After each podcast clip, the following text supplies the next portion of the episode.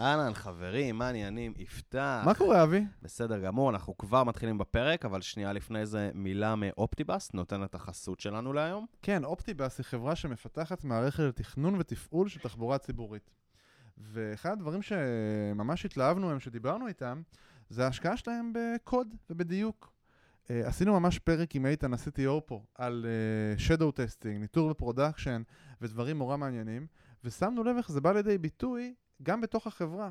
בתוך החברה הם משקיעים בפרויקטים שעושים refactoring. אחד הדברים, למשל, שאחד המפתחים אמר לנו, זה איזשהו פרויקט שהם עברו מ Ember ל React, mm-hmm. וזה פרויקט שלקח להם שנה, זה כמובן לא פרויקט שהם נכנסו ועשו waterfall אחד גדול כדי להחליף, אבל זה משהו שהחברה משקיעה בו.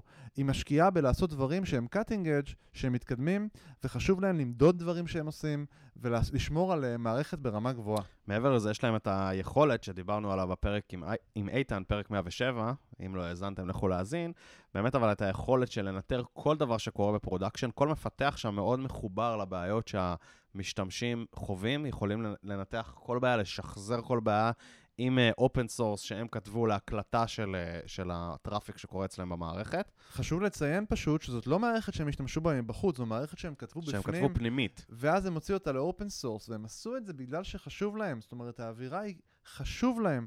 איכות המערכת, איכות הקוד, לעבוד על הדברים הנכונים, ומה שנקרא, הם לא רק uh, talk the talk, they walk the walk. כי לכתוב מערכת תשתיתית שעושה את זה, זה באמת להראות שזה משהו שאתה משקיע בו בתור חברה, ולא רק מדברים שזה חשוב לנו. לגמרי. אז אם לא הקשבתם לפרק, פרק 107, אנחנו ממליצים uh, להאזין לפרק הזה, לשמוע עוד על המערכת שהם uh, פיתחו והוציאו ל open source. ואם זה נשמע לכם מעניין, אז uh, לכו ל-optibus.com/careers, תבדקו האם יש שם את המשרה הבאה שלכם, את האתגר הבא שלכם, uh, ותגידו שאנחנו שלחנו אתכם. Uh, ויאללה, אנחנו עוברים לפרק. קדימה.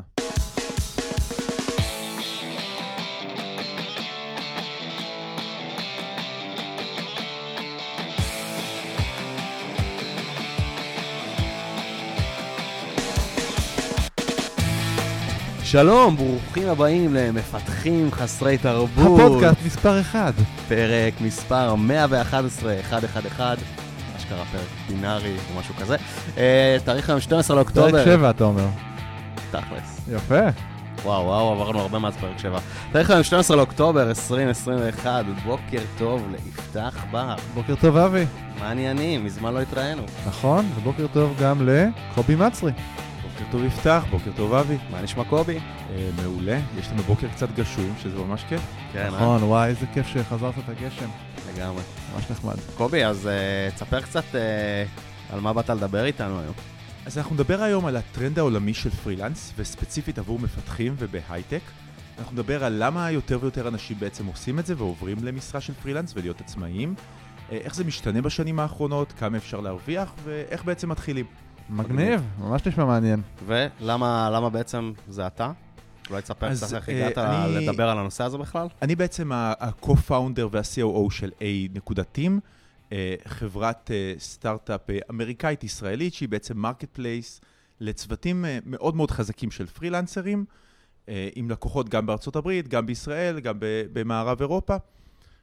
ולכן אני מאוד מאוד מכיר את התחום הזה, וגם הייתי פרילנסר בעבר, בעברי, אז אני אספר גם על זה. מה אתה אומר? מתי היית פרילנסר? אז uh, בתקופה ש, שבעצם סיימתי את השירות ב-8200, uh, גילוי נאות שירתתי עם מפתח, uh, ובעצם השלמתי את התזה שלי בתואר השני, וחיפשתי בעצם uh, דרך להרוויח עוד כסף, uh, וזה היה מאוד קשה. Uh, השקעתי המון המון זמן בלחפש לקוחות, uh, השקעתי המון זמן בלהראות להם שאני בעצם טוב, ולא ידעתי איך לתמחר, וזה לא היה מאוד מאוד מוצלח עבורי. ולכן בסופו של דבר הצטרפתי גם בעצתו של יפתח ל-XIV, וואי, נכון, היה, אתה, זה, זה נכון, נושא לפרק, זה נושא לפרק אחר, דרך נכון? אגב. כן, הוא היה ב-XIV אחריי. אבל אתה לא היית פרילנסר. לא, הוא גם, לא היית פרילנסר ב-XIV. היית... לא הייתי פרילנסר ב-XIV. אה, אוקיי, אוקיי. עשיתי פרויקטי פרילנס לפני זה, ואז כשזה היה מאוד מאוד קשה והשקעתי יותר מחצי מהזמן שלי בלחפש לקוחות. וואי, נכון. אז הגעת לשם דרך יפתח? הגעתי, לא דרכי, הוא לא דרכי, הוא התייעץ איתי. הגעתי, הגעתי, כן, התייעצתי עם יפתח, וזה אולי נושא לפרק אחר, מה קורה לסטארט-אפ שנמכר לחברה גדולה. איך התרבות משתנה וכולי, אבל זה כנראה באמת לא להיום. כן. אז, אז, אז כמו שהתחלתי לספר, אז uh, באמת אחרי השירות ב-8200 הייתי צריך להשלים את התזה, ובעצם חיפשתי מקור הכנסה לזמן חלקי. ראיתי שזה היה מאוד מאוד קשה, אה, כי מאוד קשה גם אה, למצוא לקוחות, אתה צריך להשקיע המון זמן בנט, בנטוורקינג, המון זמן באמת להוכיח שאתה אה, אה, חזק ושאתה ראוי לקבל אה, את השכר שאתה רוצה. פאסט פורוורד כמה שנים עבדתי בארצות הברית במקינזי, שהיא חברת ייעוץ גדולה, וראיתי שעבורם זה עובד. חברות היו מוכנות לשלם אלפי דולרים ליום עבור אנשים מאוד מאוד חזקים, עבור פרויקטים של מספר חודשים, mm. פשוט בגלל שהם ידעו שאלה אנשים מאוד מאוד חזקים. הם סמכו על השם של מקינזי. הם בעצם סמכו על השם של מקינזי, רק שבמקינזי, האנשים שעושים את העבודה הם לא אלה שמקבלים את הכסף. כן. מי שמקבל את הכסף זה אנשים בראש. כן, אז זה כאילו יוצא מגוחך, אתה משלם מחיר פרימיום לבסופו של דבר עבודה שהיא פחות אה, איכותית, כאילו.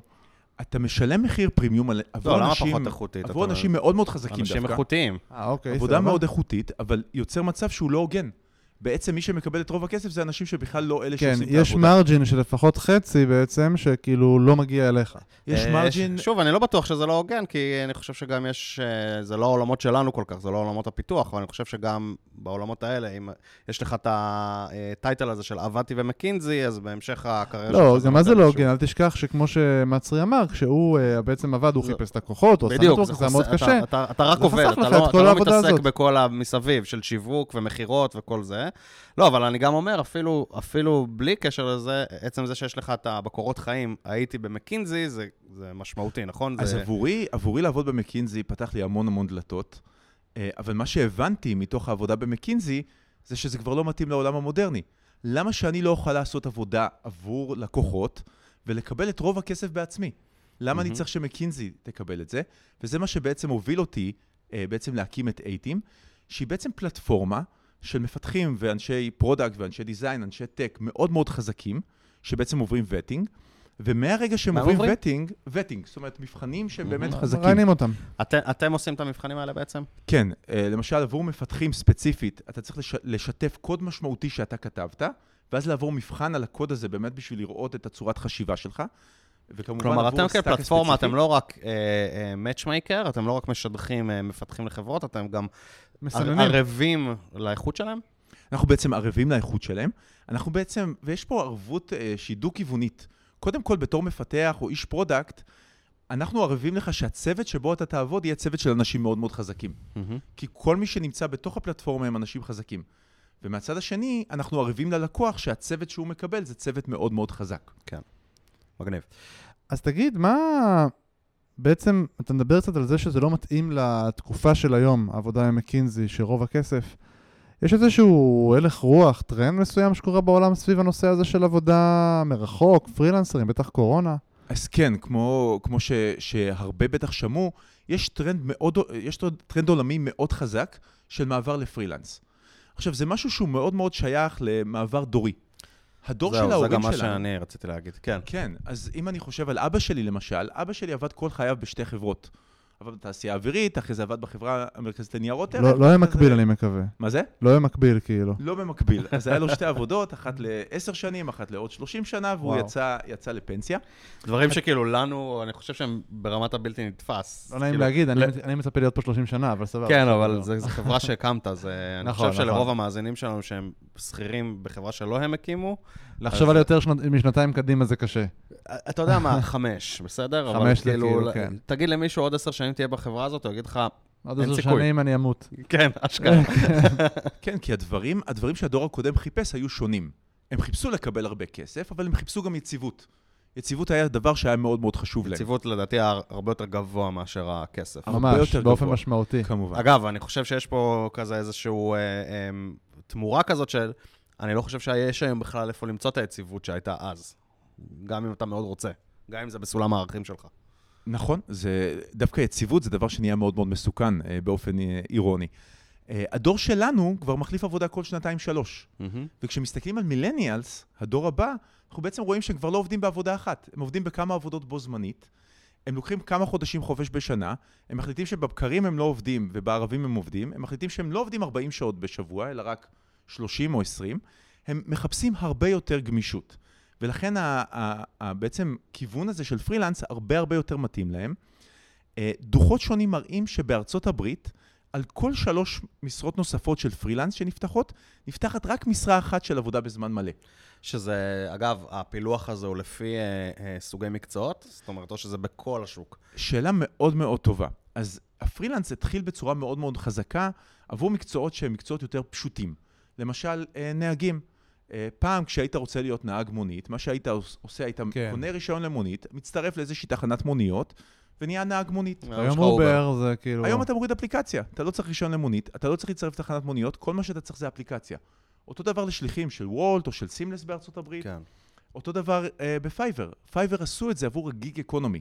כן. כלומר, פרויקטים מאוד מאוד פשוטים של כמה שעות, כמה ימים, ולאט לאט יש יותר ויותר פלטפורמה, פלטפורמות, אחת מהן היא כמובן מה שדיברתי עליו, A.Team, שבעצם מאפשרות את זה למקצועות הרבה יותר מורכבים, שמגיעות כבר לפרויקטים של שנה ויותר.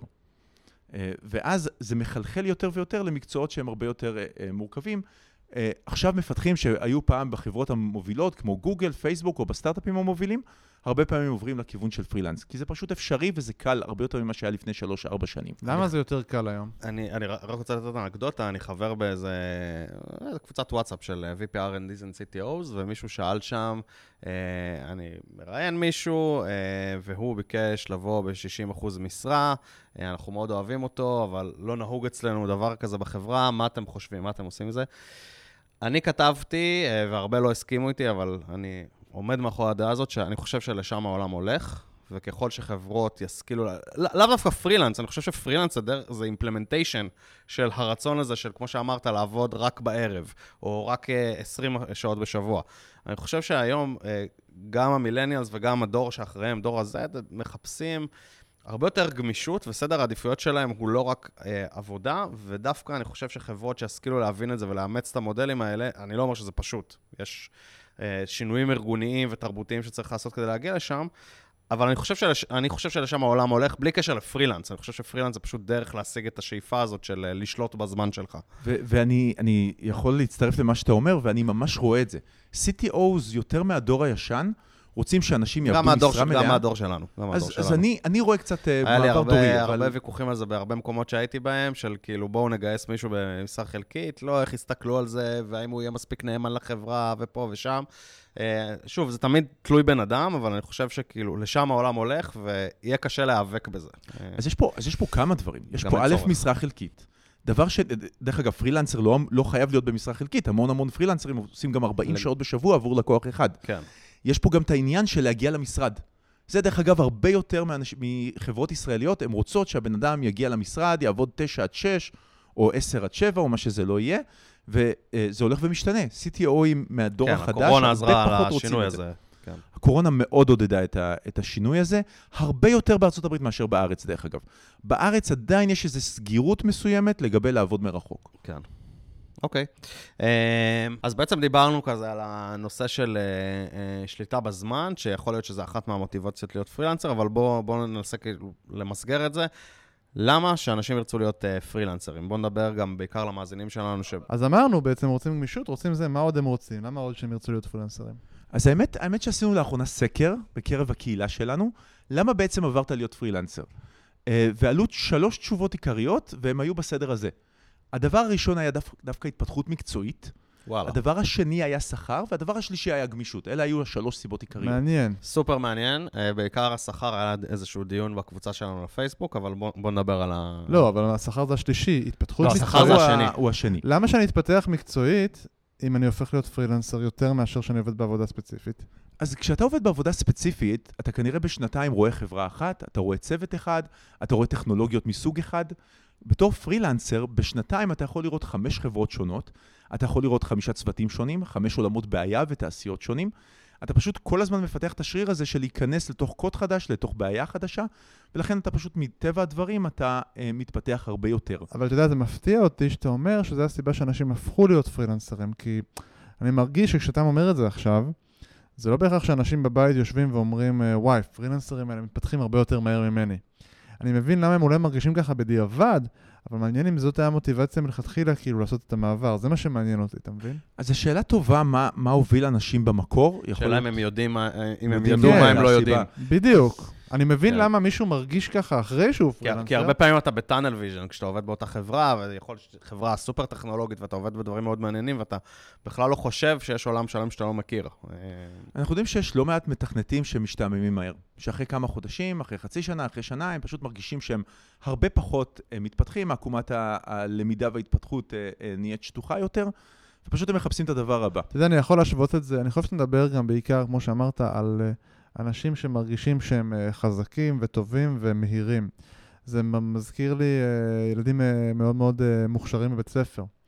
כאילו שהמסגרת בעצם היא פשוט קטנה עליהם, והם מחפשים אה, לפרוס את גבולות המסגרת כדי להתקדם בקצב שלהם, ולא בקצב בכך של המסגרת.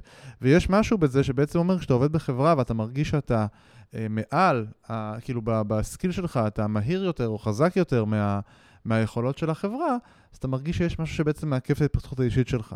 זה מאוד מאוד נכון, וזה שייך לא רק ללהחליף חברות, שפרילנסרים מחליפים חברות יותר, אולי אחת לחצי שנה, אחת ל, ל, אולי כמה, אה, שמונה חודשים, אלא גם יש את הנושא של החלפת קריירות. אנחנו רואים שהרבה אנשים גם מחליפים קריירות אחרי כמה שנים. אני עובר מלהיות front-end ללהיות back-end, אני הופך מלהיות back-ender ללהיות product manager. כפרילנסר זה הרבה יותר קל, כי המחויבות היא הרבה יותר קטנה. אני יכול לנסות את זה. מצד שני, אבל פרילנסר, כשאתה לוקח אותו, הוא צריך לספק value מאוד מאוד מהיר. זאת אומרת, כן, אני לא לוקח עכשיו... ההתנסות, אבל ההתנסות, זה מה שכאילו, אתה לא לוקח, תחשוב שנגיד עכשיו אתה עובד בחברה, ועכשיו אתה אומר, אוקיי, אני רוצה להפוך להיות product manager. אז אתה אומר, עכשיו אני אקח משרה של איזה שנתיים של product management. וכאילו, אתה מרגיש שכזה, אתה לא יכול לנסות את זה לאיזה שלושה חודשים או חצי שנה ולראות מה קורה, ומקסימום לחזור להיות אה, מפתח. אני מסכים, זה אבל... הרבה יותר אה, קשה. אני חושב שבתוך חברה, נגיד, לבוא ולהגיד, ההתפתחות האישית שלי, אני רוצה להיות product, בואו, במקביל לזה שאני מפתח, תנו לי גם להוביל איזה פרויקט product קטן יחד עם קבוצת ה product, כדי שאני ארגיש איך זה ואם זה הכיוון שלי. יותר קל, זה דווקא לדעתי יותר קל לעשות כשכיר, מאשר כפרילנסר. לא יודע, אני חושב כפרילנסר, כשאני עכשיו מחפש מפתח front-end, אני רוצה מישהו שבשנתיים, שלוש האחרונות חי את ה front-end. אבל אתה, אה. אתה, מאיזה זווית אתה מסתכל על זה? יש מספיק אנשים שמחפשים מספיק משרות. כשאתה פותח את עצמך, כשאתה לא מוגבל לחברה שבה אתה נמצא, תחשוב, במגבלות החברה, אתה רוצה לעשות front-end, אבל לא בטוח שעכשיו צריך front-end. אתה רוצה לעשות product, לא בטוח שעכשיו צריך אה, product. לגמרי, אני מסכים שלא אז- תמיד יש את ההזדמנות בתוך החברה, אני רק טוען, כמעסיק אינסוף- שמגייס פרילנסרים, אבל- בדרך אבל- כלל אתה תרצה אותם עם עם אני- ניסיון אני- אני לא שחסר חושב- לך. אני לא- אני חושב, אני בכוונה, אני- מה שאתה עכשיו אומר, אני מתנגד נחרצות ואני אסביר גם למה. כי אי אפשר להסתכל מזווית של מעסיק ולהכליל, כי זה לא מעניין. כשאתה לא, פותח- זה מע- זה מעניין בהקשר של ההזדמנויות הקיימות. כשאתה פותח את השוק, כשאתה פותח את השוק, אז אולי יש, כמובן, באופן ברור, יש יותר הזדמנויות לאנשים מנוסים מאשר אנשים לא מנוסים.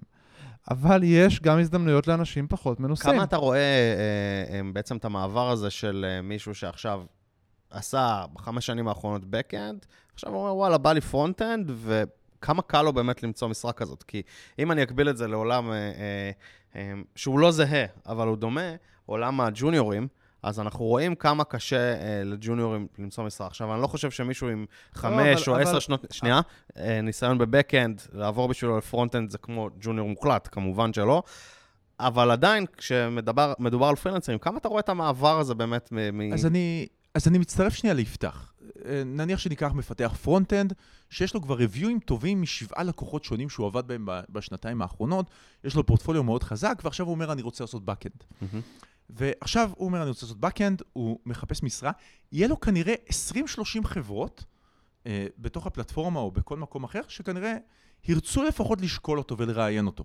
מתוך ה-20-30 חברות האלה, 20 יגידו לו, תשמע, אנחנו רוצים רק מישהו עם 5 שנות ניסיון רק בבאקאנד, 10 יגידו לו, אה, עוד, עוד 9 יגידו לו, תשמע, רק אם תוריד את ה rate שלך.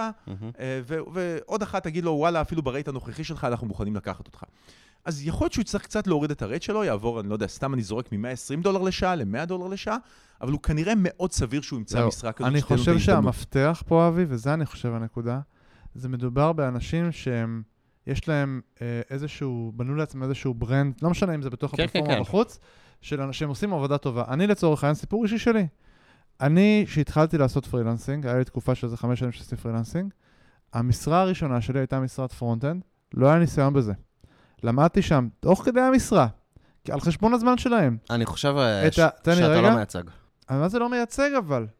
מה זה לא מייצג? היה לי brand טוב, ידעו שאני טוב במה שאני עושה. אני מסכים, אני חושב... והגעתי למשרה שבעצם פרילנס, שבעצם אמרו, אין בעיה, אתה מפתח טוב, בוא תעבוד אצלנו, אתה מסוגל לעשות את זה, אמרתי שכן. שוב, כשהמאזינים שלנו מאזינים לפרק הזה ומנסים לשים את עצמם איפה הם נמצאים בתוך הדוגמאות האלה שאנחנו נותנים, אני חושב שאתה נמצא ב...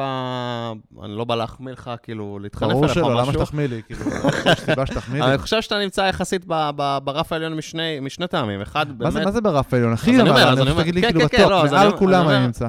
אתה גם, אתה גם בן אדם מוכשר, מעל הממוצע, אבל גם יש לך הרבה קשרים שיודעים שאתה בן אדם מוכשר ומוכנים לקחת קודם את זה. כל, אה, אני חייב- קובי, פה. תודה שבאת, אני חושב שזה הספיק, מבחינתי אפשר לסיים את הפרק עכשיו. אבי החמיא לי הפעם הראשונה בתולדות הפודקאסט. לא, אני, אני שוב, אני, לא, בגלל שאני רוצה אבי, שניתן ערך למאזינים שלנו, אני רוצה שנדבר באמת על דברים כן. שהם הם פונים לא, אז לכולם. אולי, אבל- אולי מה שאנחנו מפספסים פה, נכון שיפתח נמצא כנראה ב-10% וואי, העליונים, איזה פרק כיף, אני ממש נהנה. ב-10% העליונים מבחינת יכולות אה, אה, טכניות ומקצועיות, אבל הוא כנראה נמצא ב-10% התחתונים מבחינת יכולות בין אישיות. וזה דבר שהוא, שהוא גם מאוד מאוד חשוב בעולם הזה של, של פרילנס. אבל יש לו הרבה קשרים. יש לו הרבה קשרים. כל זה האורחים נכון. שלנו, גם גם האורחים שאני מביא, איכשהו אה, למדו איתו, הם היו איתו בגן, או היו איתו איפשהו. אבי, נראה לי את שם הפרק. לחיים שכאלה, אה, יפתח. כן, יאללה, בואו נחזור לדיון. כן, אז, אז אני אתן דוגמה אולי שהיא מייצגת או לא מייצגת, אבל אולי היא מעניינת. היה לנו בחור אה, קנדי שעבד איתנו בפלטפורמה במשך יותר משנה, עבור שלושה, ארבעה לקוחות, קיבל ריוויואים מדהימים, היה מדהים, והחליט שהוא רוצה להיות ראש צוות. אוקיי. מה שהוא עשה, הוא לקח לקוח נוסף, כלומר, הוא עשה 25 שעות על לקוח אחד ועוד 30 שעות על לקוח אחר, הבחור עבד הרבה, ולקח 30 שעות בתור ראש צוות. אה, אחרי חודשיים, דרך אגב, הוא קיבל ריוויואים מאוד טובים גם בתור ראש צוות, הוא חזר אלינו אה, אחרי חודשיים ואמר לנו, אני לא רוצה להיות יותר ראש צוות בחיים. כאילו, הוא היה ראש צוות כפרילנסר. היה ראש צוות כפרילנסר, מטורף זה. מאוד מאוד, זה. מאוד, כי זה הכי נהיה- נשמע משרה שאתה חייב להיות בתוך חברה. כן. אז. אני, אני אגיד לכם שיש... יש גם VPRNDs נגיד, פרילנסרים? כאילו, CT עד לאיפה זה? מנכ"לים? המושג של? CTOS הסרוויס נהיה יותר ויותר שגור. יש לנו לא כן. מעט חברות שהיזם בעצם גייס כסף, אין לו לצידו מישהו טכנולוגי חזק, הוא לא רוצה, הוא לא מוצא, או שהוא לא רוצה לתת חלק גדול מהאקוטי ולחפש co-founder, והוא פשוט מקבל פרילנסר מאוד מאוד חזק שמשמש אה, CTOS הסרוויס. אה, וואי, זה מיינד בלואינג בעיניי, כאילו, אני כן, אני חייב אני- להודות, שנייה, דיברתם על... אה, אחד אני אגיד- ה- אני במאמר מוסגר, אחד האנשים שעשה את זה זה נועם ברדין, ה-XCO של ווייז, שעבד איתנו, נתנו לו CTOS הסרוויס, ודרכו הוא בנה בעצם את שאר הצוות, גם דרך אייטים. אז זה אני משהו חייב שהוא להגיד מאוד מאוד לכם מקובל. שדיברתם קצת על ה-old schools והאנשים שכאילו, מסת- אני מה זה מרגיש אה, זקן, כאילו, בשיחה הזאת? אני? פשוט חושב שזה שקוראים לזה. CTO as a service, סליחה שאני זה, זה לא באמת CTO as a service, זה באמת נותן את הכובע הטכנולוגי לייעץ איך להתקדם בציר שאליו אתה רוצה להתקדם ואיך לבנות את הצוות, וזה לגמרי. אני חושב שיש עוד משהו שהוא כחלק מ-CTO, שהוא founder של חברה, שהוא לא רק מסתכל על, אוקיי, זה הרעיון שאנחנו עובדים עליו עכשיו, מה, מה הצוות שאני צריך ואיך אני ניגש לבעיה הטכנולוגית, אלא גם מה, לאן- איפה הטכנולוגיה תשים אותנו עוד שנתיים וזה, ואני חושב, אני מעריך שרוב ה-CTO, יכול להיות שיש כאלה שכן, אבל אני מעריך שרוב ה-CTO as a service פחות מסתכלים בצורה ויז'נית על החברה. אז יכול להיות, יכול להיות שבאמת המושג CTO as a service נשמע קצת commodity, אבל תחשוב שעכשיו אתה מקבל מישהו שהוא dedicated לך, שהוא מאוד מאמין במה שהוא עושה ב craft שלו, והוא אומר, מה שמעניין אותי זה כרגע החברה שלך. אני אעזור לך לחשוב קדימה, אני אעזור לך לחשוב גם איך לבנות vision. הוא אוהב את מה שהוא עושה. לרוב פרילנסרים הם אנשים, לפחות מהניסיון שלי, שאוהבים מה שהם עושים, שמאמינים ב craft שלהם, ולכן אין סיבה שהוא לא יעשה ולא יהיה dedicated לגמרי. תחשוב על זה שבן אדם שגייס, שלא מגיע מהעולם הטכנולוגי כמוכם, כרגע גייס כסף וכרגע מחפש CTO, אה, מישהו אמר לי שלקח לו 100 אנשים הוא היה צריך לראיין, לגמרי, לא, זה סופר קשה. גם בשביל ההפך, למצוא אגב. CTO, והוא לא הצליח למצוא. גם אם, אתה founder טכנולוגי שמחפש את הצד העסקי, אותו דבר. זה סופר, קשה למצוא שותפים באופן כללי. אז, אה, אז תחשוב שאתה יכול להתחיל לעבוד עם מישהו שאתה יודע שהוא חזק, שהוא עבר vetting, ואחרי כמה חודשים, אם הוא באמת רואה שהוא מאמין בך וברעיון שלך, ואתה רואה את הכישורים שלו, הרבה יותר סביר שאז תרצה להוסיף אותו בתור co-founder, ושניכם תרצו בעצם להמשיך ביחד. כן. Uh, טוב, אני חושב שהבנו את הנושא של uh, התפתחות מקצועית. יש עדיין שאלה כזה שאנחנו לא יודעים אותה, האם אנשים הולכים להיות פרילנסרים כדי להתפתח מקצועית, או האם אחרי שהם עושים פרילנסרים אומרים שאחת הסיבות זה להתפתח מקצועית. Uh, אבל אמרת שלוש סיבות, התפתחות מקצועית, נכון. גמ- גמישות, והסיבה שהכי מעניינת את כולם זה כסף. אז, אז בוא נדבר על כסף. בוא נדבר באמת על כסף. אז, אז אה, ניכנס, מאני, מאני, מאני. ניכנס, אוקיי, אה, ניכנס לעובי הקורה, ו... רק אה, אבי, בבקשה, אה, כל פעם שאנחנו אומרים איזה משהו, תשים כזה צ'צ'ינג בעריכה. בסדר? אז, אז לפחות ממה שאני רואה, זה כמובן תלוי ברמה שלך. אבל אנחנו רואים שאנשים מצליחים בעצם להכפיל את השכר שלהם ממה שהם מקב- מקבלים במשרה מלאה. קצת, אה, קצת לתת מספרים וממש ככה להיכנס למספרים. אז אצלנו לפחות בפלטפורמה, שאנחנו פלטפורמה עבור אנשים חזקים יותר, אני רוצה להגיד את זה, לא כולם יכולים להגיע לרמות שכר האלה. רוב המפתחים, אני מדגיש מפתחים, עובדים בשכר טק הום, מה שהם מקבלים הביתה, של בין 100 ל-150 דולר לשעה. אבל יש גם כאלה עם יכולות מאוד מאוד ספצ... ספציפיות, למשל בקריפטו, בתחומים של payments או איזשהו משהו אחר, שמגיעים גם ל-200 דולר לשעה. עכשיו, קצת להפוך את זה אנחנו למספרים מדברים של... כאילו אה, בין 350 ל-700-800 שקל לשעה, אם אנחנו ממירים את זה ל-ILS. אז, אז תלוי בשער הדולר שמשתנה עכשיו כן, כל הזמן, אבל כן, בערך 3.3 כזה, כן. ממש שלוש, אה, סדר, סדר גודל כן. כזה. אם אנחנו חושבים על 100 דולר לשעה, 40 שעות בשבוע, זה יוצא פחות או יותר 60 אלף שקל. מהמם. אה, אם חושבים על 150 דולר לשעה, זה כבר מגיע ל-90 אלף שקל. אבל- רגע, רגע, רגע, רגע, רגע, שנייה. אבל אתה מדבר פה על משהו שאנחנו קוראים לו עלות מעסיק. עלות מעסיק, כן. זה גם מה שאני רציתי מאוד להגיד. מאוד נכון. אז מאוד אולי, אולי, אולי ניתן איזה מילה על זה, אני חושב שזה חשוב להבין את זה, כי כשאתה שומע אה, אה, מפתח, נגיד שהיום יושב על משכורת של אה, 30 אלף שקל, הוא שומע שהוא יכול להרוויח 60 אלף שקל, בואו בוא נדבר על מה ההפרשים, כי זה לא בדיוק כמו ברוטו 30 אל- אה, 60 אלף שקל. לגמרי. אז בואו אז בוא ניקח דוגמה. בואו נניח שמישהו יכול לקבל במשרה מלאה 30 אלף שקלים, וכפרילנסר הוא יכול בסופו של דבר לקבל 60 אלף שקלים. מהמם. האם הוא באמת הכפיל את השכר שלו? התשובה היא כמובן שלא. זה שהוא קיבל במשרה מלאה כ-30 אלף שקלים, זה לא לוקח בחשבון בעצם את הפנסיה שהוא מקבל, את הקופת גמל שהוא מקבל, את הימי חופש שהוא מקבל, את הימי מחלה שהוא, קוד... אה, שהוא מקבל ו... וכדומה. הדרך כן להשוות את זה, היא להוסיף סדר גודל של בין 20 ל-30 אחוז. 30 אחוז, 30 להחסיר, אחוז. להחסיר 30 30 אחוז. מצד אחד יפתח, אז אתה צודק שזה אולי 30 אחוז, אז בוא ניקח את ה-30, זה יהפוך להיות במקרה הזה 39. מהצד השני, למה 30, 39? לא הבנתי. לא, אם זה אתה מוסיף היה- 30 אחוז לשל... אם אתה מוסיף 30 אחוז 42. ל-30, אתה מגיע ל-39. לא, לא להוסיף, להחסיר מה-60 30 אחוז. כאילו, אה, כאילו רגע, אתה מרוויח 30 אחוז 42. ל-30, אתה מגיע ל-39, כן, נכון. אתה מגיע 39? לסדר 40 אלף שקל, נכון. עשית 40 אה, לא יחידות משנה, ואם אתה במתמטיקה? מוריד את זה מה-60 עשיתי- זה עשיתי 42. איזה- לא משנה. עשיתי איזה יחידה בסדר, שתיים. זה כאילו בערך, זה כאילו כן. עלות מעסיק, אה, זה כאילו נכון. כמו להרוויח מהצד 40 אלף שקל ברוטו. אה, כמו 40 אלף שקל ברוטו, אז פתאום כבר ה-60 זה לא לעומת 30, זה לעומת 40. מהצד השני, כפרילנסר, אתה בעצם עסק לכל דבר. מה שאומר שהמון מההוצאות שלך, אתה בעצם יכ- יכול לקבל ניכוי במס. בוא כן. רק רגע, אה, רגע, לפני זה אני רוצה להגיד, זה. זה- ה-40 האלה זה אחרי שהשווית בעצם את כל הנושא של פנסיה והשתלמות וכל ההטבות הסוציאליות. ה-30% האלה לדעתי לא כוללים ימי חופשה ומחלה. ימי חופש קשה לכלול בצורה מאוד טובה בפנים, בדיוק, אבל אז אתה זה לוקח את אומר זה- שזה אתה זה גם לוקח בין כסף. 30 ל-35 אחוז, כאילו זה גם כן. כסף, אבל זה לא כסף לא, זה אומר, זה אומר. גם, צריך להבין את זה, יש עכשיו ספטמבר כמו השנה, שהוא כולו חגים, יש מצב שהמשכורת שלך יורדת מש, משמעותית. נכון, אז או שאתה עובד, הדרך- או שאתה עובד בחג, בסדר. כן, שאתה אז עובד אז- בחג. אז הדרך לחשוב על זה, יש או לנו... שאתה טס לחו"ל, אתה לא רק משלם את הטיסה לחו"ל, גם הימי חופש פתאום הם על חשבונך.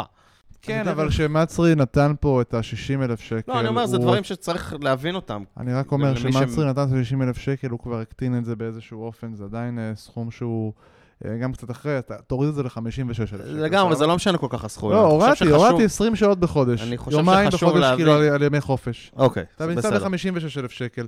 זה בסדר, אתה עדיין נמצא במקום שהוא כאילו הרבה יותר גבוה מבחינת עלות. מעסיק. אוקיי. אז, אז נכון, אז למשל הימי חופש, באמת אם יש 20 ימי חופש בשנה ועוד אה, מחלה, ובסך הכל יש בשנה 250 ימי עבודה, אפשר לעשות את החישוב ולראות שזה בערך משהו כמו 10 אחוז. כלומר, כן, הדברים האלה דברים שאפשר לחשב רק אותם. אני אומר, כדי להשוות את זה לשכר ברוטו, את ה-60 שאמרת, מדובר בשכר ברוטו סדר גודל של, אה, נגיד אנחנו מדברים על ה- על ה-100 דולר לשעה, על ה-350 שקל לשעה, הם בסדר גודל של 45 אלף שקל ברוטו, כאילו אם היית הולך להשיג את זה במשרה מלאה. שזה יכול להיות גודל. משמעותי למישהו שמרוויח משמעותי, 30. מאוד בין משמעותי, ה-30 ו- ל-45 זה כאילו משמעותי. טוב, אנחנו. לא לא אגיד- יודעים אם המיפוי הוא מ-30 כן. ל-60, כאילו זה, אבל מישהו. שמרוויח 30-35. לא, הוא אמר לך. להכפיל, כאילו, אז אני רק כן, אומר, אתה אוקיי. בין 30 ו- זה לא ל-60, זה יותר ל-45. כן, ואני אגיד שזה דוגמה, 60 אלף שקל זה עבור דוגמה של 100 דולר לשעה. נכון, רוב הממוצע שלנו כיום בפלטפורמה, הוא 150 הוא דולר. נוגע ב-150, מגיע ל-150. כלומר, זה כבר מגיע ל-90 אלף שקל, ואז איזה חישוב שלא תעשו, זה יוצא אה, פחות או יותר פי שתיים, או אולי קצת אבל פחות אתם, ממה שהיית אה, רוב. האופרציה היא לפי חישוב ארצות הברית, נכון? החישוב הוא בארצות הברית, אבל אתה כמפתח ישראלי, ברור אם לי, אתה עובר לתחום הזה של פרילנסר ועובד בפלטפורמה, ברור. פתאום יש לך נגישות לכל הלקוחות נכון, יש בארצות לך הברית. רגישות לשוק בארצות הברית. שאגב, מאוד לא, אבל מאוד זה- אוהבים מה מפתחים שמעניין- מה ישראלים. שמעניין זה להשוות את זה לשכיר בארצות הברית, לא לשכיר בארץ. יש לי, יש לי עוד שאלה רק רגע. אה, אתה יכול לעבוד משרה מלאה בצורה הזאת?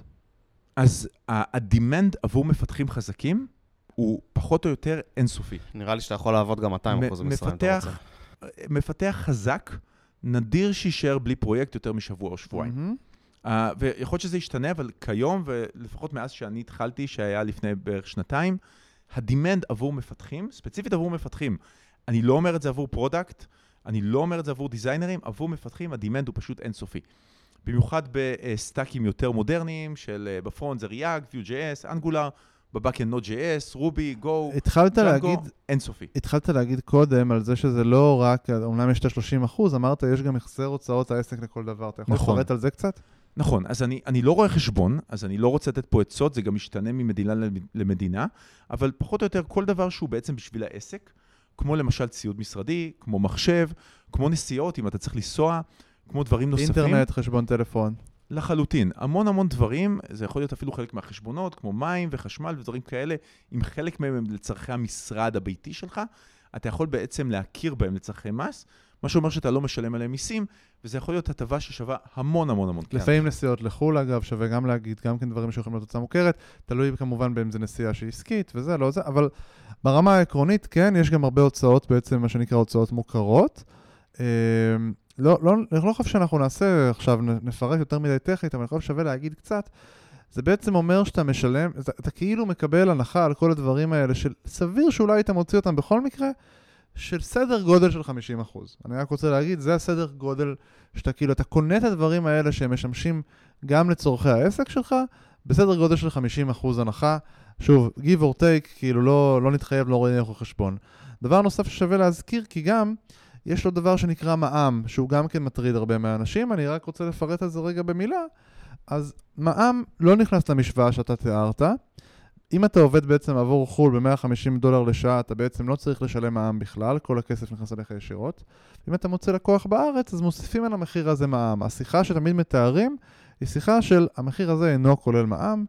בעצם מע"מ הוא לא מס שאתה צריך לשלם או החברה צריכה לשלם, זה משהו שחל באיזשהו כן. אופן בצורה מאוד מאוד עקיפה על הצרכן הפשוט, ולכן עקרונית, ה-150 דולר האלה, הם, הם, אל תורידו מהם מע"מ. יש, בנוסף לזה אתם אמורים לקבל כסף שהוא מע"מ, ואת זה אתם תשלמו כאילו בלי קשר. זה לגמרי לגמרי נכון, כשיש, כשאתה בעצם פרילנסר ישראלי ויש לך לקוח ישראלי, הלקוח צריך לש, לשלם מע"מ, בנוסף אבל, למחיר אבל שתיארנו. אותו לקוח מזדכה על המע"מ. נכון, נכון, אז אה, אין זה שום לא, אני סיבה לא רוצה, שזה אני לא ייכנס רוצה לתוך מה להיכנס שאתם לטכניקה של זה, אין צורך. אני רק להיכנס. רוצה להסביר למאזינים שלנו שהמספרים שאתה דיברת עליהם, לא צריך להוריד מהם מע"מ. לא צריך להוריד מע"מ. אוקיי? עזבו, זה לא שיעור בחשבונאות פה. מי ש- נכון, מי נכון, שהתעניין הבין שיש פה כל מיני ענייני אה, מיסוי וחשבונאות שכדאי לקחת אותם בחשבון. אני רוצה אה, שנעבור שנייה לדבר. קודם כל, סיפרנו סיפור מאוד יפה, אני חושב שמאוד מעניין לדבר על החסרונות גם, ואולי זה גם יוביל אותנו ל- למי זה מתאים. זהו. למה, למה לא כל האנשים עושים את זה? אם זה כי כל לפי כך מה שווה. שסיפרת פה, מחר יש לנו באזור המאות אלפי מאזינים, יש לנו מאות אלפי מכתבי התפטרות. זאת אומרת, מחאת המתמחים עם אלפיים אה, מכתבי התפטרות, עשרות זה אלפי כלום במינימום. לעומת מה שהולך במינימום. לקרות אחרי שהפרק הזה ממש, יצא. ממש. מאות אלפי מכתבי פיטורים בהייטק, וכלכלות כל- בדה מרקר, וזה, ההייטק, מפונקים אז, וזה, אז קודם כל, למי שקורא, יש באמת טרנד כזה בארצות הברית. של הרבה... ההתפטרות הגדולה, המון המון אנשים, אנשים מתפטרים ובעצם הופכים להיות עצמאיים. אז, אז אה, זה אפילו יכול לקרות אה, בעקבות הפודקאסט הזה ובעקבות דברים אחרים, אבל זה באמת לא מתאים לכל אחד. לא הייתי ממליץ למפתח אה, מתחיל לעשות את זה. מפתח מתחיל לרוב צריך סביבה יציבה, צריך סביבה של המון מנטורשיפ, הוא צריך מקום שבו ילמדו אותו וישקיעו בו לטווח ארוך. כפרילנסר מצופה ממך פשוט to hit the ground running. להיכנס לחברה ולהתחיל לייצר value מהרגע הראשון. הייתי אומר, כלל אצבע, לפחות מה שאני ממליץ, זה אנשים עם לפחות חמש שנות ניסיון, ואנשים, שמ- ב- בוא בוא נניח, ב-25% העליונים של אה, של החברה. הבעיה שכולם חושבים כן, שהם לא כולם 25% חושבים, עליונים. כולם נוהגים יותר טוב בממוצע, אתה מכיר את זה?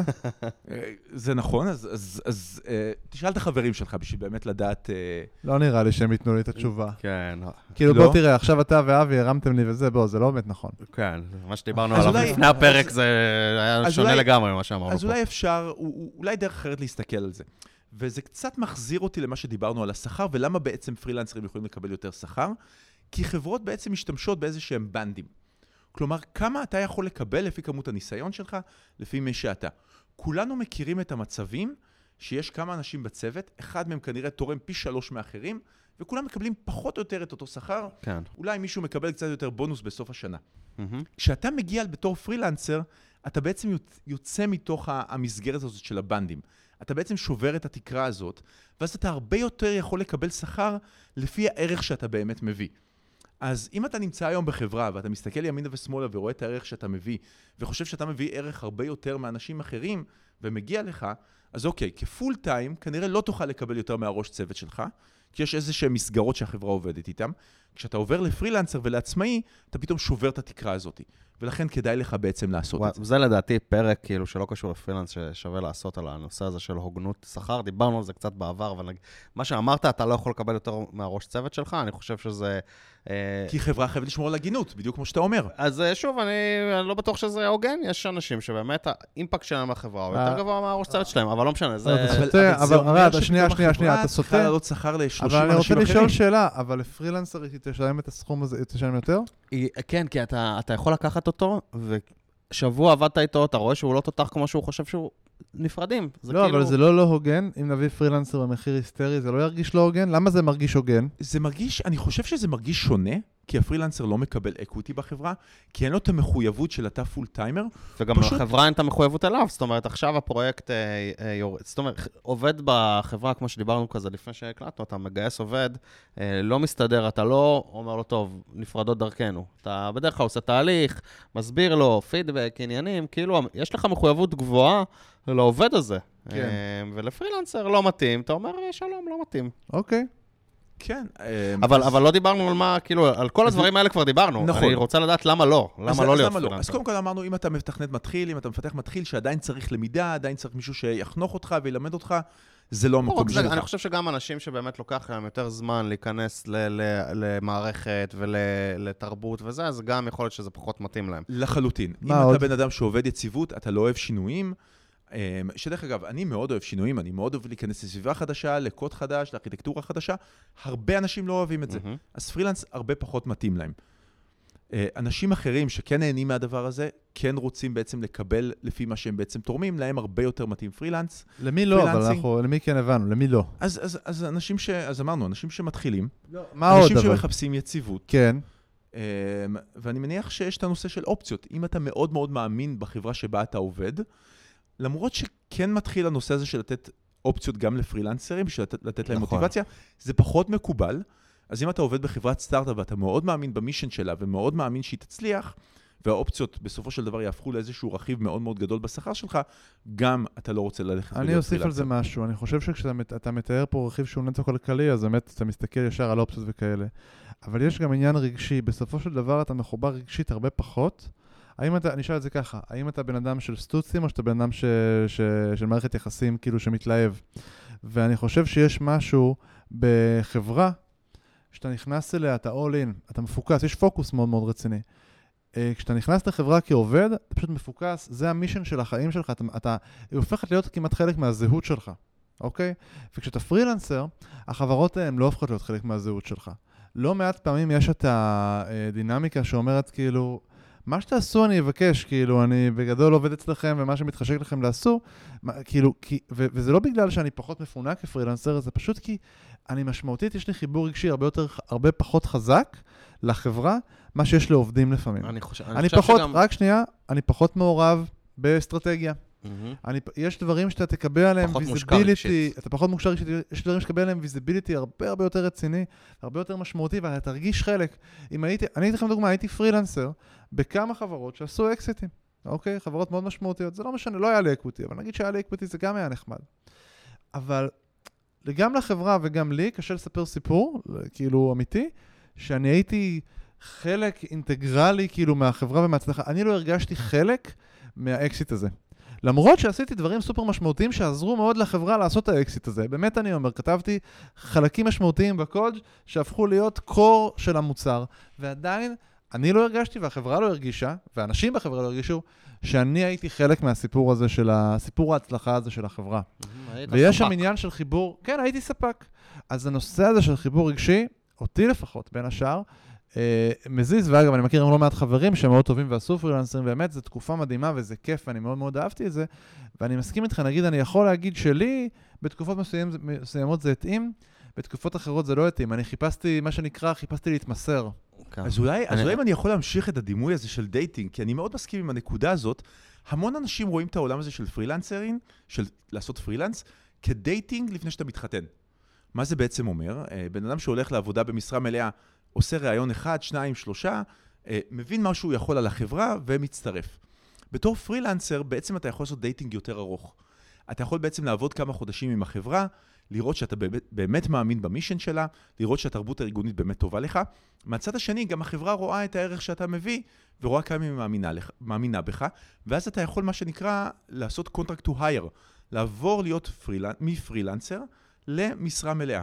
המון המון אנשים עושים את המסלול הזה של פרילנס, בשביל באמת לנסות ולראות ולעבוד בכמה חברות, עד שהם מוצאים את המקום שבו הם רוצים לגמרי. להיות. אני רוצה גם להוסיף עוד איזה משהו על, ה, על הדבר הזה בהקשר של החיבור הרגשי. אמ, יש איזה משהו, זה לדעתי מאוד חזק בתרבות הישראלית, אני, יכול להיות שבאמריקאית קצת פחות, אבל אתה גם הולך לחברה שאתה מתחבר לאנשים בה, וכשאתה פרילנסר, אתה, אתה עובד שעתי. ולכן, אתה פחות תרשה לעצמך עכשיו יותר הפסקת קפה, או ללכת איתם לצהריים וזה, כי... זה לא שאתה לא תעשה את זה, אבל אתה, אתה הרבה יותר, השעון דופק. כאילו, כמו כזה במפעלים של פעם, השעון דופק. אה, ואתה צריך, אה, צריך לעבוד, לפחות בתקופה הקצרה. אני עשיתי פרילנסר שהוא לא באמת פרילנסר, זאת אומרת, הייתי עובד של החברה, אבל ב, בסטוץ. כאילו, כן. שעבדתי משרה חלקית, והם ידעו שאני מחפש עבודה אחרת. אה, זה, והרגשתי כאילו שאני חייב כל הזמן, כאילו... אני לא יכול שנייה להוריד את הרגל מהגז, כי אני באתי לשלושה חודשים ומשרה חלקית ואני מאוד מחויב, אה, ואז כאילו באמת יש לך פחות הזדמנות ליצור קשרים חברתיים, יש לך פחות הזדמנות כאילו באמת להרגיש חלק מהדבר הזה, כמו שאמרת, יפתח, אה, ואני חושב שזה לאנשים שמאוד כיף להם לבוא לעבודה, ולאנשים שהם עובדים איתם, זה לא שלא תהיו חברים שלהם, אבל זה וייב אחר קצת. אני, אני רוצה להגיד על זה משהו, כי אני עשיתי חמש שנים ואני חושב שאני יכול להעיד ברמה האישית. אתה פחות נכנס למעגלים, בוא נגיד, אתה לא בוואטסאפ של החברה. כן. אוקיי, נגיד את זה ככה, בצורה הכי פשוטה. אה, אתה כן עושה networking הרבה יותר חזק. זאת אומרת, כי אתה כל הזמן מכיר אנשים נכון, מחברות נכון. חדשות, ואתה מוכיח את עצמך במעגלים חדשים. נכון. ואני, נגיד, יצרתי networking מאוד משמעותי בתקופה של ה freelancing, ויש לי הרבה יותר נכון, קשרים. נכון, נכון, network מקצועי אז לגמרי. אז כאילו network מקצועי אתה עושה לגמרי. יותר, אבל באמת מעגלים חברתיים אתה עושה פחות. לגמרי. אגב, אני, אני רוצה להוסיף לנקודה של ה networking. כשאנשים שעובדים דרכנו ב-A-Team, בעצם הם עובדים בהמון המון צוותים ברחבי העולם. בנוסף לזה, יש כמובן את הקהילה של, אה, של A-Team, שאתה מצטרף אליה, יש Slack של הקהילה. מאוד נדיר שמישהו יעלה שאלה, או יבקש איזשהו עצה, ולא יהיו תוך שעה או שעתיים, שלושה, ארבעה אנשים מאוד חזקים שזה משהו מעניין. זה קשור להתפתחות המקצועית. Mm-hmm. אני עכשיו, אה, כחלק מהעבודה שאני עושה עכשיו, אני גם עובד כזה עם כמה חברות uh, שהם uh, של ייעוץ ו freelancing וכולי, ו- ובאמת חוזר הסיפור הזה של החברה שלנו היא קהילה, זאת אומרת, אתה מקבל איזשהו יועץ שעובד איתך בחברה לכמה חודשים, אבל מאחוריו יש לו קהילה של, אתה יודע, זה לא קהילה של מאות אלפים, אבל אתה יודע, נגיד אני מחפש עכשיו אזור computer vision, אני מתחיל לעבוד עם איזושהי חברה, שאתה מקבל מישהו אליך לצוות שעובד איתך על הפרויקט, אבל יש איתו עוד עשרה אנשים שכאילו כל בעיה שיש, הם עוזרים אחד לשני כדי לקדם את הפרויקטים שהחברה הזאת uh, כחברה uh, מובילה. Uh, סבבה, יש עוד איזה משהו שלא הזכרנו לפני שאנחנו עוברים לשאלות מהקהל, שאתה חושב שחשוב לדבר עליו, או שנעבור לחלק השאלות מהקהל, היו כל מיני שאלות היום? כן, שאלות מהקהל. שאלות מהקהל. שאלות עם ה'. Uh, שנייה, אני פותח את זה. אז גלעד סול... גלעד סולטר שאל, בתור מנהל מגייס, שמדי פעם נתקל במועמד אה, שעבד כפרילנסר כמה שנים, אני לא יודע איך להתייחס לזה. אשמח לשמוע את שני הצדדים, איך, איך המנהלים המגייסים תופסים את זה, ואיך מועמדים מתייחסים לזה. אה, שאלתי אותו כאילו למה הוא מתכוון, אם, זה, אם הוא רואה בזה כיתרון או חיסרון, והוא אמר, אני לא יודע אם זה יתרון או חיסרון. אז, אז כמה המלצות אולי למנהל המגייס. אני חושב שהדרך הכי טובה זה להתייחס לפרילנסר כמו כל עובד אחר. הוא צריך להיות חלק מהסלאק, הוא צריך אפילו לקבל אימייל של לא, לא, החברה. הוא אומר, אם אני מגייס עכשיו מישהו שהיה כמה שנים פרילנסר, Mhm. ואני רוצה לגייס אותו לתוך החברה שלי כעובד מן המניין, האם זה שהוא היה כמה שנים פרילנסר, זה יתרון או חיסרון? אז אני, אני לפחות רואה את זה בתור יתרון. הוא כנראה ראה הרבה מאוד ארכיטקטורות, הרבה מאוד חברות, הוא נכנס להמון סוגים שונים של קוד, הוא ראה המון תרבויות והמון סוגים שונים של צוותים. אני לחלוטין רואה את זה בתור אה, יתרון. אמ, אני נוטה להסכים איתך, אה, לא לגבי כולם, אני כן חושב שדיברנו פה המון על הפרילנסרים בסקאלה החזקה, אנשים שהם באמת מומחים בתחומם, יש גם באמת אה, עולם שלם של פרילנסרים שעשו את זה, בין אם זה, אתה יודע, דיברנו על הסיפור של הגמישות, אז אנשים שדווקא פחות רצו להתמקצע ורצו פרויקטים יותר פשוטים, אה, רק כדי שיהיה להם אה, יותר זמן פנוי, אה, אז... אתה יודע, לדעתי זה, כשאני רואה את זה, אני מסתכל לגופו של עניין, האם זה בן אדם שהוא התמקצע באיזשהו תחום, אה, ועבד בהרבה סוגים של חברות וראה הרבה סוגים של ארכיטקטורות ותהליכים ארגוניים, או שזה מישהו שאמר, וואלה, עכשיו אני שנתיים-שלוש רוצה אה, ממש להוריד את הרגל מהגז, ומה שהוא עשה זה רק לבנות אה, אתרים בוורדפרס. בסדר? זה דברים אה, שונים, כאילו, וזה התמחויות שונות. ו- ושוב, לדעתי זה לגמרי לגופו של אדם. יש פה עוד שאלה, יש פה, האמת שהיה מלא שאלות, מלא שאלות, כן. אבל אני אנסה לקחת אחת ספציפית. דוד? כן. דוד שואל, מהניסיון שלי התהליך עם פרילנסרים מפתחים הוא כזה. מפתח רוצה עצמאות אישית, הוא נהיה פרילנסר, אחרי תקופה הוא נשאב לפרויקט מסוים ונהיה שכיר עם תנאים פחות טובים. פחות טובים. פחות טובים. אופציה שנייה, הוא לא נשאב לפרויקט מסוים, ואז מצטבר לו הרבה עבודה, והוא לוקח עובדים, והוא נהיה בית תוכנה. כמעט לא ראיתי אנשים שעשו freelancing לטווח ארוך באחוז עבודה משמעותי. יש פרילנסרים יועצים, שאז העבודה לכל לקוח היא מעט שעות, אבל פיתוח לרוב המפ... לרוב... המ- פיתוח, לרוב המפתח אמור לתת הרבה שעות, ובטווח אבל הארוך בפיתוח לרוב המפתח אמור לתת הרבה שעות, בטווח הארוך זה לא מחזיק. איך מצליחים להישאר פרילנסר לטווח ארוך? אני היום בבית, אני היום בתוכנה קטן, זה משהו. לא, אז, אז קודם כל שאלה מעניינת, האמת שאני לא כל כך מסכים. לרוב, אם אתה עושה פרילנס עבור, עבור חברה ואתה חזק, לרוב אתה תקבל, הם מאוד מהר ירצו להעביר אותך לזמן מלא. מהמם. יכול להיות שאתה תרצה, יכול להיות שלא, אבל אז השכר שתוכל לקבל דווקא יהיה הרבה יותר גבוה, כי הם כבר ראו את הערך שלך. והם יהיו- מוכנים לשלם עליך יותר. גבוה ממה שאתה מקבל אה, כפרילנסר? יותר גבוה ממה שהיית, לא, לא כפרילנסר, אתה כנראה תרד בשכר ממה שהיית פרילנסר, יותר גבוה ממה שהיית פשוט מגיע ועושה שלושה רעיונות. כי הם ראו אותך במשך כמה חודשים, אתה כבר מכיר אני את הקוד חושב שלהם. שאנחנו מדברים פה הרבה על עולם של חברות טכנולוגיה וחברות מוצר, וצריך לזכור שיש המון המון שוק של פרילנסרים, אה, נגיד, ב- אתה יודע, ב- ב- באתרי אה, מדיה מקומיים, אה, בבנקים, דברים כאלה שהם עבודות, אבל הוא מדבר על פרילנסרים מפתחים, הוא כתב. לא, מפתחים, לגמרי מפתחים, אבל זה לאו דווקא חברה שהיא יודעת לנהל אה, אופרציית פיתוח, ואז יכול להיות ששם גם, זה מה שאני מניח ש, שמדובר, ואז יכול להיות ששם משלמים פחות. לא, ואתה- לא בהכרח. אני לא בהכרח. אני- אני מבין את הדינמיקה שהוא מתאר, אבל אני כן יכול להגיד, אני- אני... כי בגלל שהוא כתב את תנאים פחות טובים, ואנחנו כל הזמן דיברנו פה על תנאים יותר טובים, וזה דיסוננס שאני מנסה להבין מאיפה הוא נובע. אני חושב שהיועצים זה סיפור אחר. אני חושב, אני כשעשיתי פרילנסר הייתי, בעצם היה לי תמיד לוקח, הייתי לוקח שתי, שני לקוחות אה, באופן קבוע. יומיים פה, שלושה שם זה- כזה. יומיים, זה מאוד- יומיים, האמת, מאוד ויום מקובל. אחד חופשי. מאוד יומיים, מקובל. יומיים ויום אחד חופשי, זה מה שהיה לי באופן Mhm. קבוע. אה, והאמת שהצלחתי להחזיק ככה הרבה שנים, הסיבה שהפסקתי עם זה בכלל לא הייתה קשורה ל- לכמה שרציתי אה, לעשות freelancing, מאוד נהניתי, הייתה תקופה מאוד מאוד טובה. אה, אז אני לא מתחבר כל כך ל- ל- לניסיון הזה. אני כן מסכים שכדי לצמוח, בסוף אתה מבין שיש לך, יש לך איזשהו גג. אתה נותן שעות עבודה תמורת כסף. כן. אז אתה יכול להיות המחיר כל הזמן, אבל הגעת למחיר נגיד מאוד מאוד גבוה.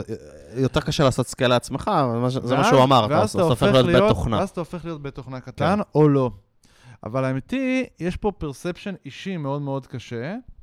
אה, אה, אתה, אתה צריך להבין שכאילו, אם זה מה שאתה אוהב לעשות וזה ה craft שלך, זה יכול להיות מאוד מתאים לך. פשוט תמשיך לעשות את השכר. אה. אנחנו כל הזמן שואפים ורואים את האקזיטים מסביב, שואפים לעשות איזה מכה, לצמוח, לעשות איזה שכר היסטרי, איזה משהו. ומתישהו אנחנו נצטרך להבין שיש לזה איזשהו קאפ לסיפור הזה. אתה מגיע לשכר מסוים. ואתה נשאר בו במשך, יכול להיות אפילו כאילו סדר גודל של השכר הזה, אני מדבר, עזבו אתכם זה קצת עולה קצת יורד, סדר גודל של עשר שנים, זה השכר שאתה עומד לקבל עכשיו, כן? זה לא הולך מאוד מאוד להשתנות. ברגע שאתה משלים עם ההבנה הזאתי, אתה לא בהכרח רוצה להיות בתוכנה קטן, אתה לא בהכרח נהיה שכיר, אתה פשוט ממשיך ליהנות מה, מהכיף הזה שאתה מחליף לקוחות כל אה, שנה, שנתיים, ב, ב, בכמה כן, זמן. ואתה כן יכול להעלות את התעריף השעתי שלך, נכון, ככל אבל שיש זה לא שינוי שהוא דרמטי. שמרוצים. אבל זה לא שינוי שהוא לא דרמטי. שינוי דרמטי, זה לא... אני אומר, זה לא כן. ה... כשאתה עובר לבית תוכנה, אתה מתחיל לייצר עסק אמיתי. אתה מבין? אתה מתחיל להיות uh, בעצם משהו שמעסיק אנשים, לוקח על זה מהמם. מרג'ין, ובעצם הופך להיות uh, מקינזי קטן כזה. והסי- והסיכון עולה כמובן. והסיכון עולה, כן, אבל אני אומר, זה עסק מסוג אחר, וזה משהו שקורה לך אם אתה כל הזמן במרוץ להגדיל את ההכנסה שלך ולעשות משהו יותר עם מה שאתה. אם אתה הגעת למצב שאתה יודע מי אתה, אתה אומר, אני מפתח, אני עושה את זה מעולה, אני רוצה כל הזמן להתפתח בעולם הזה, כל הזמן דברים חדשים, השכר שלי יישאר בערך אותו הדבר, לא משנה, הגעתי לפרילנסר, הגעתי ל-600 שקל לשעה, סבבה? זה יישאר השכר, זה יעלה ל-750, זה יעלה ל-700, סבבה, אבל זה יישאר, אני לא הולך לצמוח עכשיו פי שלוש. אתה יכול להמשיך ככה הרבה מאוד שנים, זה עניין תפיסתי אישי של האם אתה באמת רוצה להצמיח את השכר שלך שוב ושוב ושוב ושוב ושוב, או שאתה מבין שכאילו הגעת לאיזשהו מקום, וזה זה השכר שיהיה לך למשך שנים, ועכשיו השאלה היא לא איך אתה מאפטם לשכר, אלא איך אתה מאפטם לאושר שלך, מה עושה אותך מאושר. אה, בואו ככה אני בוא, מסתכל. בוא נמשיך אה, בשאלות. יש אה, שאלה, אני לא יודע איך לקרוא את השם הזה, אלייג'ה סוז' או אליחי, אני לא יודע. אה, כתב מאוד מעניין. איך מוצאים לקוחות? איך מוכיחים את עצמך כפרויקטור בפעם הראשונה? או, שאלה טובה. או, שאלה טובה. אז, אז באמת, כמו שאמרתי, לפני כמה שנים הדרך למצוא לקוחות הייתה לעשות uh, המון המון נטוורקינג, לעשות המון קופי צ'אטס, לדבר עם המון אנשים, ועם כל אחד מהם להגיד, וואלה, האם אתה מכיר מישהו שיכול להיות לקוח פוטנציאלי? זה מה שאני עושה. אני חושב שהעולם קצת השתנה, ויש יותר ויותר פלטפורמות כדוגמת A.Team, שבעצם אתה פשוט מצטרף, וברגע שאתה עובר את הבחינות, אתה מקבל פשוט המון המון המון חברות שמחפשות את הפרופיל שלך. ואתה פשוט יכול להגיש אה, בקשה, אתה דרך אגב קובע את ה rate שלך, כמה אתה רוצה לקבל, ולקוח יכול להחליט אם לקחת אותך או לא. אה, כמו שאמרתי מקודם, ה demand היום עבור מפתחים הוא demand אינסופי. מהמם. אה, לא קשה למצוא לקוחות. שאלה אני- אחרונה אני שיש. כן חושב שבלי הפלטפורמות האלה, ואנחנו מדברים על השוק בארץ, אני חושב שקשרים זה הדרך הכי טובה, ו...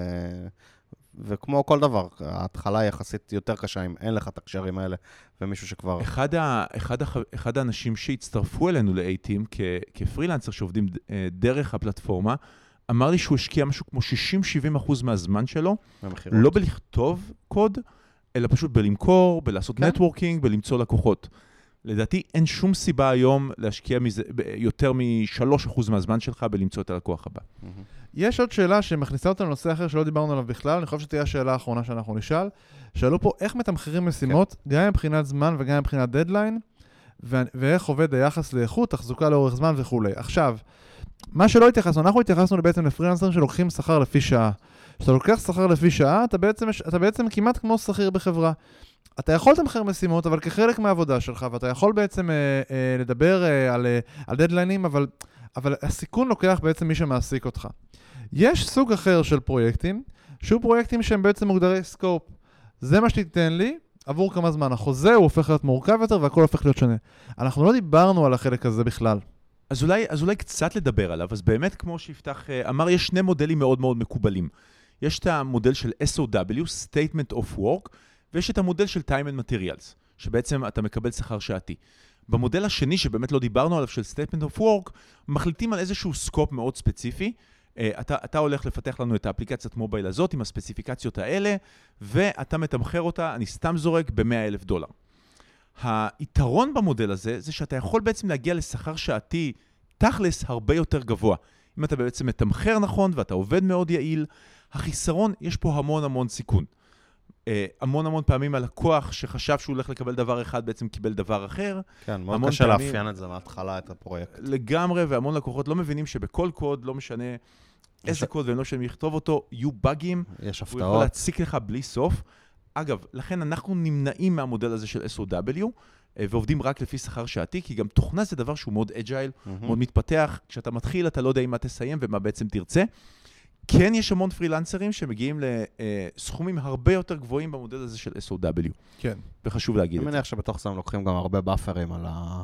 על כמה שבאמת היה לוקח להם לעשות את זה. אוקיי, מה אני צריך? יכול, אה, אז אה, אז- תסכם לנו. כן, אז אם אני יכול קצת להגיד איך בעצם מגיעים אלינו, למי שרוצה להצטרף ובעצם רוצה להפוך להיות פרילנסר, אז דבר אחד זה, אה, האתר זה join.a.team, וכמובן כשאתם ממלאים את הטופס, אם תרשמו no תרבות, בעצם תקבלו קדימות בלעבור את המבחנים ולהיכנס לפלטפורמה. איך קיבלנו כן. פה זה? טירוף. אה, בנוסף- תשמע, מי שמאזין לנו זה כבר... אה, מי אתה יודע, שמאזין לא שלב מפחד. שלב ראשון לפחות. מי שמאזין לא מפחד. מי איזשהו סטמפה. של איכות. בנוסף לזה, באמת אני רוצה לפתוח את, את הזמן שלי, אם מישהו רוצה להתייעץ, אה, איך לעבור לפרילנס, האם אני צריך לעשות את זה, איך עושים את זה. האימייל שלי זה קובי את a.team. אה, מוזמנים לשלוח אליי ואפשר לשים איתי זמן, ואשמח לדבר עם כל מי שרוצה, בעצם לדבר באמת על המסלול הזה של להפוך להיות אה, פרילנסר. מדהים. מגניב. טוב, אה, מצרי, המון המון תודה, היה ממש המון כיף. תודה. אה, תודה, אבי, תודה. יפתח, היה מאוד מאוד כיף. אני חייב לציין שגם היה לי ממש כיף שיש לך קול רדיופוני וחזק למיקרופון, שזה תמיד אני מסמן לאורחים לקרב את המיקרופון. איזה כיף לשמוע, אבי. אז uh, הגענו לסוף הפרק, uh, מוזמנים לחפש אותנו בפייסבוק, מפתחים חסרי תרבות. הקבוצה! שם אנחנו מעלים תמיד פוסטים, uh, לפני ב- שמגיע אלינו אורח. או- זהו, אני לא יכול להגיד על הטוויטר, כי אני תמיד שוכח לעשות את זה. נכון, אבל יש לנו אבל- גם טוויטר. תעקבו אחרינו גם בטוויטר, ששם דווקא זוכר, אני הכל זוכר קורה. לפרסם שם את הפרקים, אני לא זוכר לפרסם. רק תדעו אבל ששם הכל קורה, שווה להסתכל בטוויטר, כי באמת שם הכל קורה. לגמרי. וזהו חברים, שיהיה לכם יום קסום. יום קסום, יאללה ביי. ביי.